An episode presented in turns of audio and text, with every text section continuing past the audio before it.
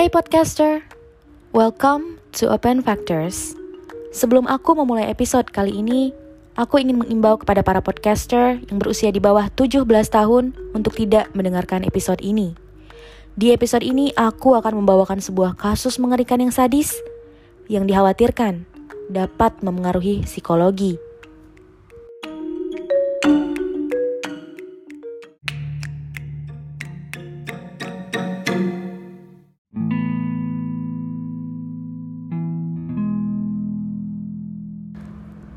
Jencang, aku tidak pernah bermimpi kalau kita akan bertemu lagi dengan cara seperti ini. Kamu pasti sangat kesakitan. Begitu banyak penderitaan. Kami tidak akan pernah melupakanmu. Aku dengar kalau kepala sekolah telah memberimu sertifikat kelulusan. Jadi kita bisa lulus sama-sama. Tidak ada lagi sakit, tidak ada lagi penderitaan untukmu. Beristirahatlah dengan tenang.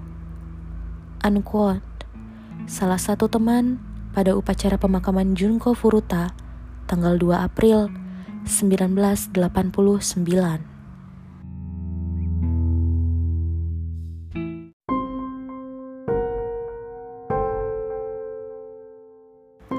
Kasus yang akan aku bahas di episode kali ini adalah kasus tentang seorang remaja Jepang, Junko Furuta, yang telah diculik disiksa selama 44 hari dan dibunuh pada tahun 1988.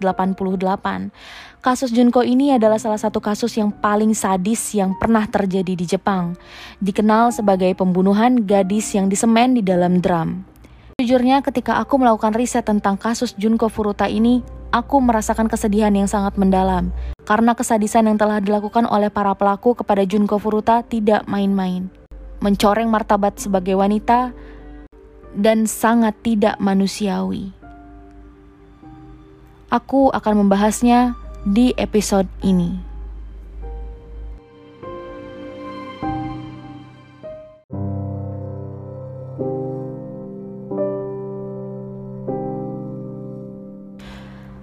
Junko Furuta memiliki latar belakang seorang gadis berumur 16 tahun. Ia memiliki pribadi yang ceria, bersahaja, dan adalah seorang gadis yang sangat manis. Junko Furuta tinggal bersama kedua orang tuanya dan dua saudara laki-lakinya yang lain. Ia bersekolah di Yashio Minami High School, Jepang. Junko taat peraturan, memiliki cita-cita yang tinggi, dan termasuk ke dalam golongan anak-anak yang berprestasi.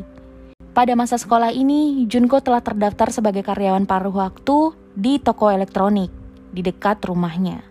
Sifat baik dan wajah manisnya ini membuat banyak sekali laki-laki yang tertarik padanya, termasuk seorang remaja gangster, Hiroshi Miyano. Hiroshi Miyano memiliki hubungan erat dengan geng Yakuza, geng yang paling ditakuti oleh banyak orang Jepang pada masa itu. Anggota geng itu gemar melakukan kekerasan, pamer kekuasaan dengan cara menebar dan mengeksploitasi ketakutan orang lain. Junko tahu Miyano adalah salah satu anggota dan koneksi kuat jaringan gangster kejam itu. Dan ia memilih untuk sama sekali tidak berurusan dengannya. Tapi naas bagi Junko. Karena Miyano benar-benar menaruh hati padanya. Dan hati tidak bisa diprediksi Wajah cantik dan sifat manis Junko membuat Miyano berulang kali memintanya untuk menjadi kekasih. Namun Junko terus menolaknya dengan baik-baik. Dan Miyano tidak terima dengan penolakan itu. Ia belum pernah ditolak. Dan ia akan melakukan pembalasan dendam, tidak peduli jika itu terhadap gadis yang ia sukai.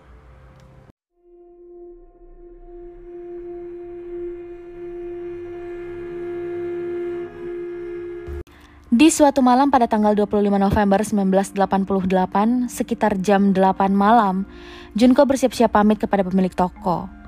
Karena saat itu, jam kerjanya sudah selesai. Agak tidak biasanya, Junko merasa sedikit was-was. Angin lembut ketika itu, dan tidak ada hujan sama sekali. Tapi itu tidak membuat hatinya tenang, seperti merasakan firasat yang buruk akan terjadi. Junko ingat hari-harinya ke belakang ketika ia menolak seorang pemuda kasar di sekolahnya. Pemuda itu tampak tidak senang dan Junko merasa hari-harinya tidak lagi aman. Junko mengambil sepedanya, berusaha berpikiran positif. Ia mulai mengayuhnya menuju rumah tinggalnya. Di sisi lain pada jam yang sama, Miano dan Miyato tengah berjalan-jalan sambil mengawasi korban barunya. Seperti kebiasaannya setiap hari, Miano dan teman-temannya rajin sekali untuk menelusuri area-area, merampok, memperkosa, dan berbuat kejahatan kepada siapa pun yang ia mau. Junko Furuta tidak tahu apa yang akan menimpanya malam itu. Pukul setengah sembilan malam, sebelum itu, yang ia pikirkan hanya kehangatan rumahnya. Ia tidak tahu bahwa ia mengayuh sepedanya mendekat ke area buruan Miano. Dari kejauhan, Miano agaknya senang melihat pujaan hatinya berjalan mendekat. Ia lalu memerintahkan temannya, Minato, untuk memanipulasi keadaan mencelakai Junko Furuta. Dengan sigap mematuhi arahan Miano, mengejar Junko dengan keras di kegelapan malam, lalu menendang sepedanya kuat-kuat. Junko meringis, tubuhnya menabrak tanah dan kakinya luka. Entah dari mana, sebuah mobil berhenti di dekatnya. Sesosok laki-laki keluar, laki-laki yang Junko Furuta sangat kenali. Miano. Pemuda itu dengan sigap membantu Junko membersihkan kakinya lalu menawarinya untuk diantar pulang. Luka yang ada di kaki Junko agaknya memang cukup perih. Dan kebaikan yang Miano tawarkan mengaburkan kekhawatirannya. Ia tidak berpikir sedikit pun jika laki-laki yang menabraknya tadi adalah sosok yang telah dimanipulasi oleh Miano untuk sengaja mencelakakannya. Dan ia akan menyamar menjadi seorang pahlawan. Junko menerima tawaran Miano untuk masuk ke dalam mobilnya, tetapi ia tidak pernah sampai di rumah. Miano membelokkan mobil menuju ke suatu gang sempit yang di dalamnya terdapat sebuah gudang terbengkalai. Ia kemudian menarik Junko ke dalam lalu mengancamnya untuk dibunuh. Junko, yang saat itu sedang ketakutan, lantas tidak berani untuk berbuat apa-apa. Ia tahu ia sedang berhadapan dengan pemuda kasar yang tidak segan-segan mencelakainya dan juga mencelakai orang terdekatnya. Dan di sana, di dalam kegelapan malam, tempat yang terasing, Miyano memperkosa Junko Furuta untuk pertama kalinya.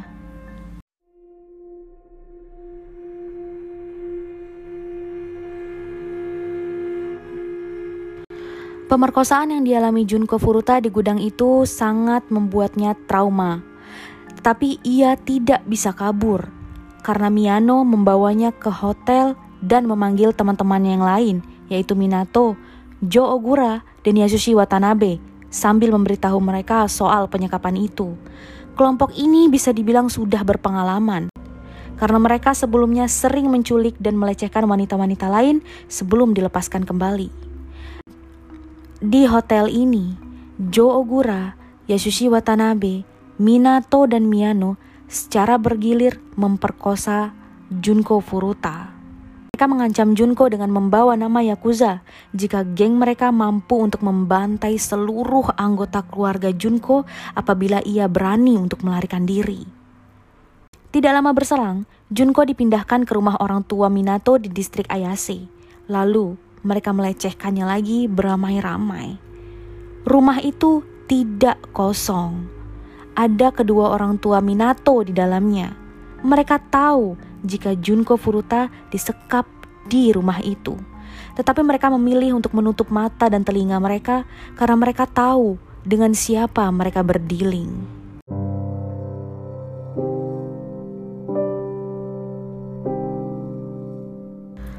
Gadis malang itu disekap di rumah Minato selama 44 hari dan disiksa secara brutal, fisik, dan mental. Ia terus dan terus diperkosa tanpa henti. Dan dua hari setelah penculikan, tepatnya tanggal 27 November 1988, kedua orang tua Junko Furuta melaporkan kehilangan anaknya kepada polisi. Tentu saja, kedua orang tuanya menjadi khawatir dan kabar pencarian Junko sampai ke telinga Miano. Untuk menghilangkan kecurigaan, Miano menyuruh Junko untuk menelpon orang tuanya dan meminta mereka untuk menghentikan pencarian. Junko dipaksa untuk membuat alasan jika ia pergi dan butuh waktu sendiri. Ia juga berada di rumah temannya dan berada dalam keadaan baik-baik saja. Junko tidak bisa menolak. Ia tidak punya pilihan lain selain menuruti pelaku biadab ini. Selama penahanannya 44 hari ini, Junko berulang kali disiksa dan dilecehkan sebelum akhirnya meninggal. Ia dipaksa untuk telanjang sepanjang waktu. Ia diperkosa setiap harinya, yang mana total pemerkosaannya selama masa penangkapannya adalah lebih dari 400 kali. Dipercaya ada lebih dari 100 pria yang menjadi pelaku dari pemerkosaan ini. Anggota-anggota Yakuza dan teman-teman Miano akan ia undang untuk memperkosa Junko Furuta. Ada titik di mana ia disetubuhi 12 pria yang berbeda dalam satu hari. Ia juga dipaksa untuk melakukan masturbasi di depan mereka untuk memancing hawa nafsu biadab pemerkosaan ini. Ia dipaksa untuk makan kecoa ketika ia lapar, dan apabila ia haus, Junko Furuta akan dipaksa untuk meminum air kencingnya sendiri. Di saat musim dingin itu, ia dimasukkan ke dalam kulkas selama berjam-jam.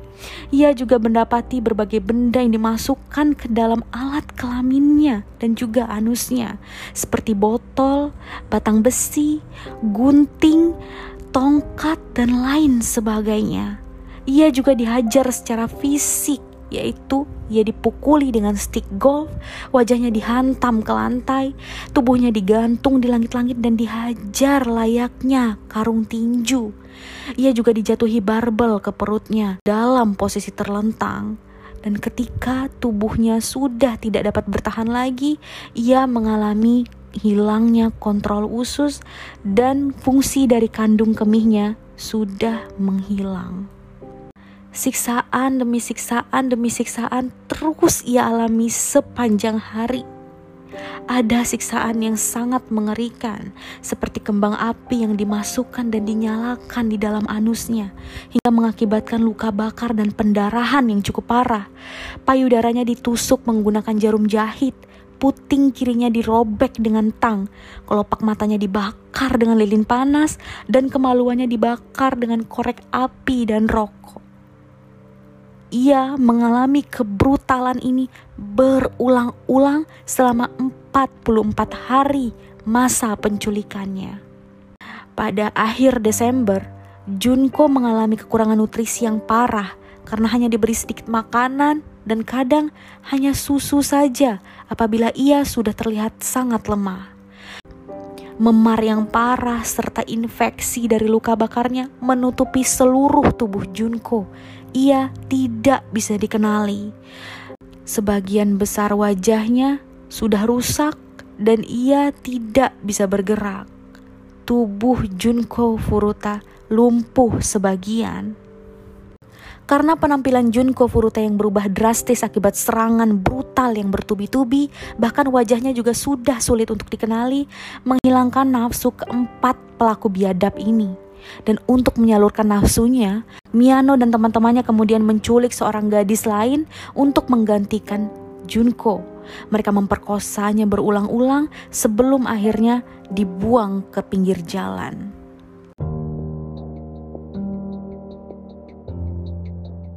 Akhir dari Junko Furuta. Setelah puluhan hari dianiaya, Junko terus meminta kepada para penculiknya untuk segera membunuhnya saja. Ia tidak tahan disiksa terus seperti ini. Namun permintaannya dengan mentah ditolak oleh keempat pelaku biadab itu. Dan di tanggal 4 Januari 1989, mereka menantang Junko untuk bermain mahjong. Junko mau tidak mau harus memaksa tubuh lemahnya memenuhi permintaan penculiknya. Dalam permainan ini, Junko berhasil mengalahkan mereka dan kekalahan tersebut mencoreng harga diri Miano dan teman-temannya yang lain.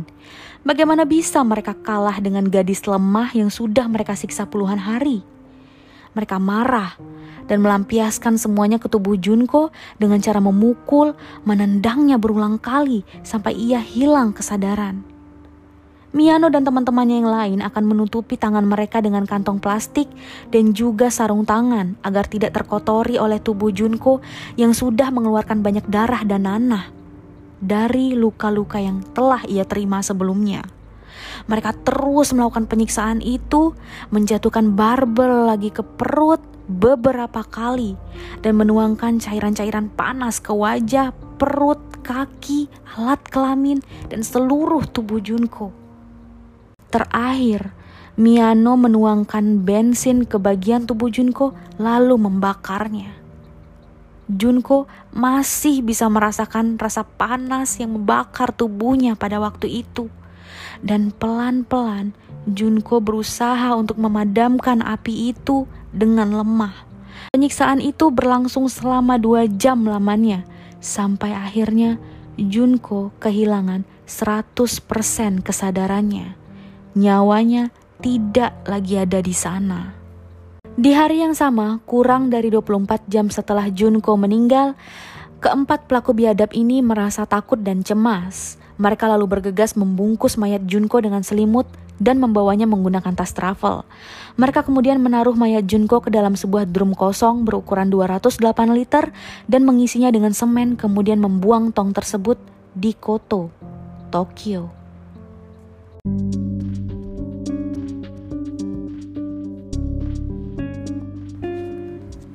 Pada tanggal 23 Januari 1989, Miyano dan Joe Ogura ditangkap dan ditahan oleh kepolisian karena kasus pemerkosaan terhadap wanita yang berusia 19 tahun yang mereka culik di bulan Desember lalu, yang pada masa itu Junko Furuta masih disekap. Lalu pada tanggal 29 Maret, dua orang datang untuk menginterogasi Miyano dan Joe Ogura karena ditemukannya pakaian dalam wanita di kediaman mereka. Pada saat ini Miyano merasa cemas sendiri dan ia berpikir jika Joe Ogura telah mengkhianatinya. Ia berpikir jika Joe sudah mengaku soal pembunuhan itu dan akhirnya Miyano membuka suara sendiri terhadap kejahatan yang sudah ia lakukan. Ia mengakui kepada polisi bahwa ia telah membunuh Junko Furuta di rumah Minato. Polisi benar-benar terkejut dengan pengakuan itu karena polisi sama sekali tidak tahu jika Miyano telah membunuh Junko Furuta. Polisi hanya baru menaruh kecurigaan terhadap mereka dan pengakuan Miyano lantas membuka kasus ini. Keesokan harinya, mayat Junko berhasil ditemukan dan diidentifikasi melalui sidik jarinya. Pada tanggal 1 April 1989, Joe Ogura ditangkap atas kekerasan seksual dan kemudian ditangkap kembali atas pembunuhan Junko Furuta, diikuti dengan ditangkapnya Watanabe, Minato, dan saudara laki-lakinya. Beberapa pelaku juga ditangkap dan berhasil diidentifikasi yang mana para pelaku-pelaku ini diduga ikut melakukan pemerkosaan karena DNA mereka berhasil ditemukan di tubuh korban.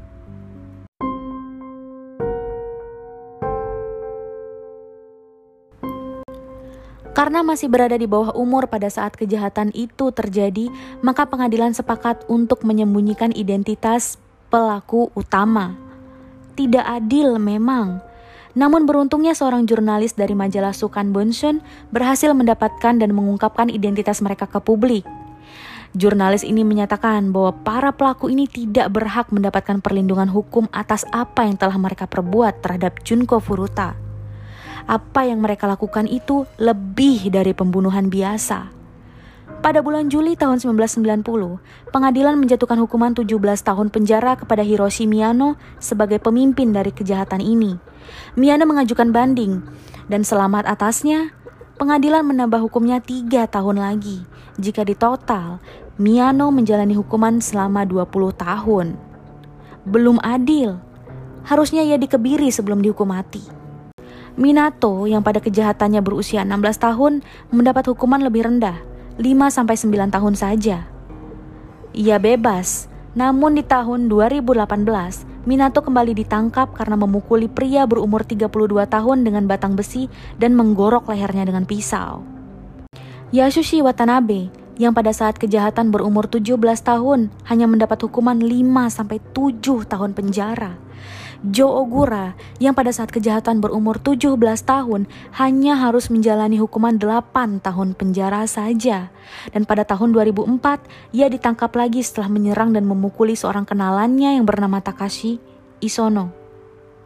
Lucunya, Ibu Jo Ogura ini dilaporkan telah merusak makam Junko Furuta dengan alasan jika ia telah merusak hidup anaknya.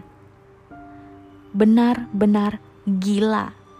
Ayahnya Jo Ogura memberikan uang kepada Jo untuk diberikan kepada keluarga Junko Furuta sebagai biaya ganti rugi.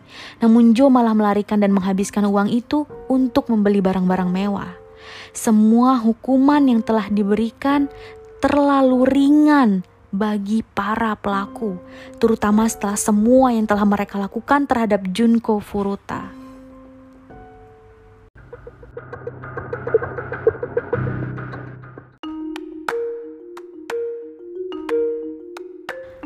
Nasib yang dialami oleh Junko Furuta sungguh sangat mengerikan dan tragis.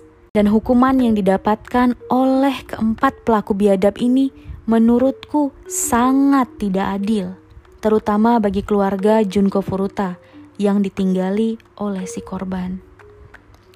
Aku hanya bisa berharap kejadian ini tidak lagi terulang. Menyedihkan karena kasus pelecehan ini adalah kasus pelecehan terparah yang pernah kutemui. Semoga Junko bisa lebih tenang di sana dan kita bisa mengambil pelajaran dari kisah ini untuk lebih berhati-hati terhadap siapa pun.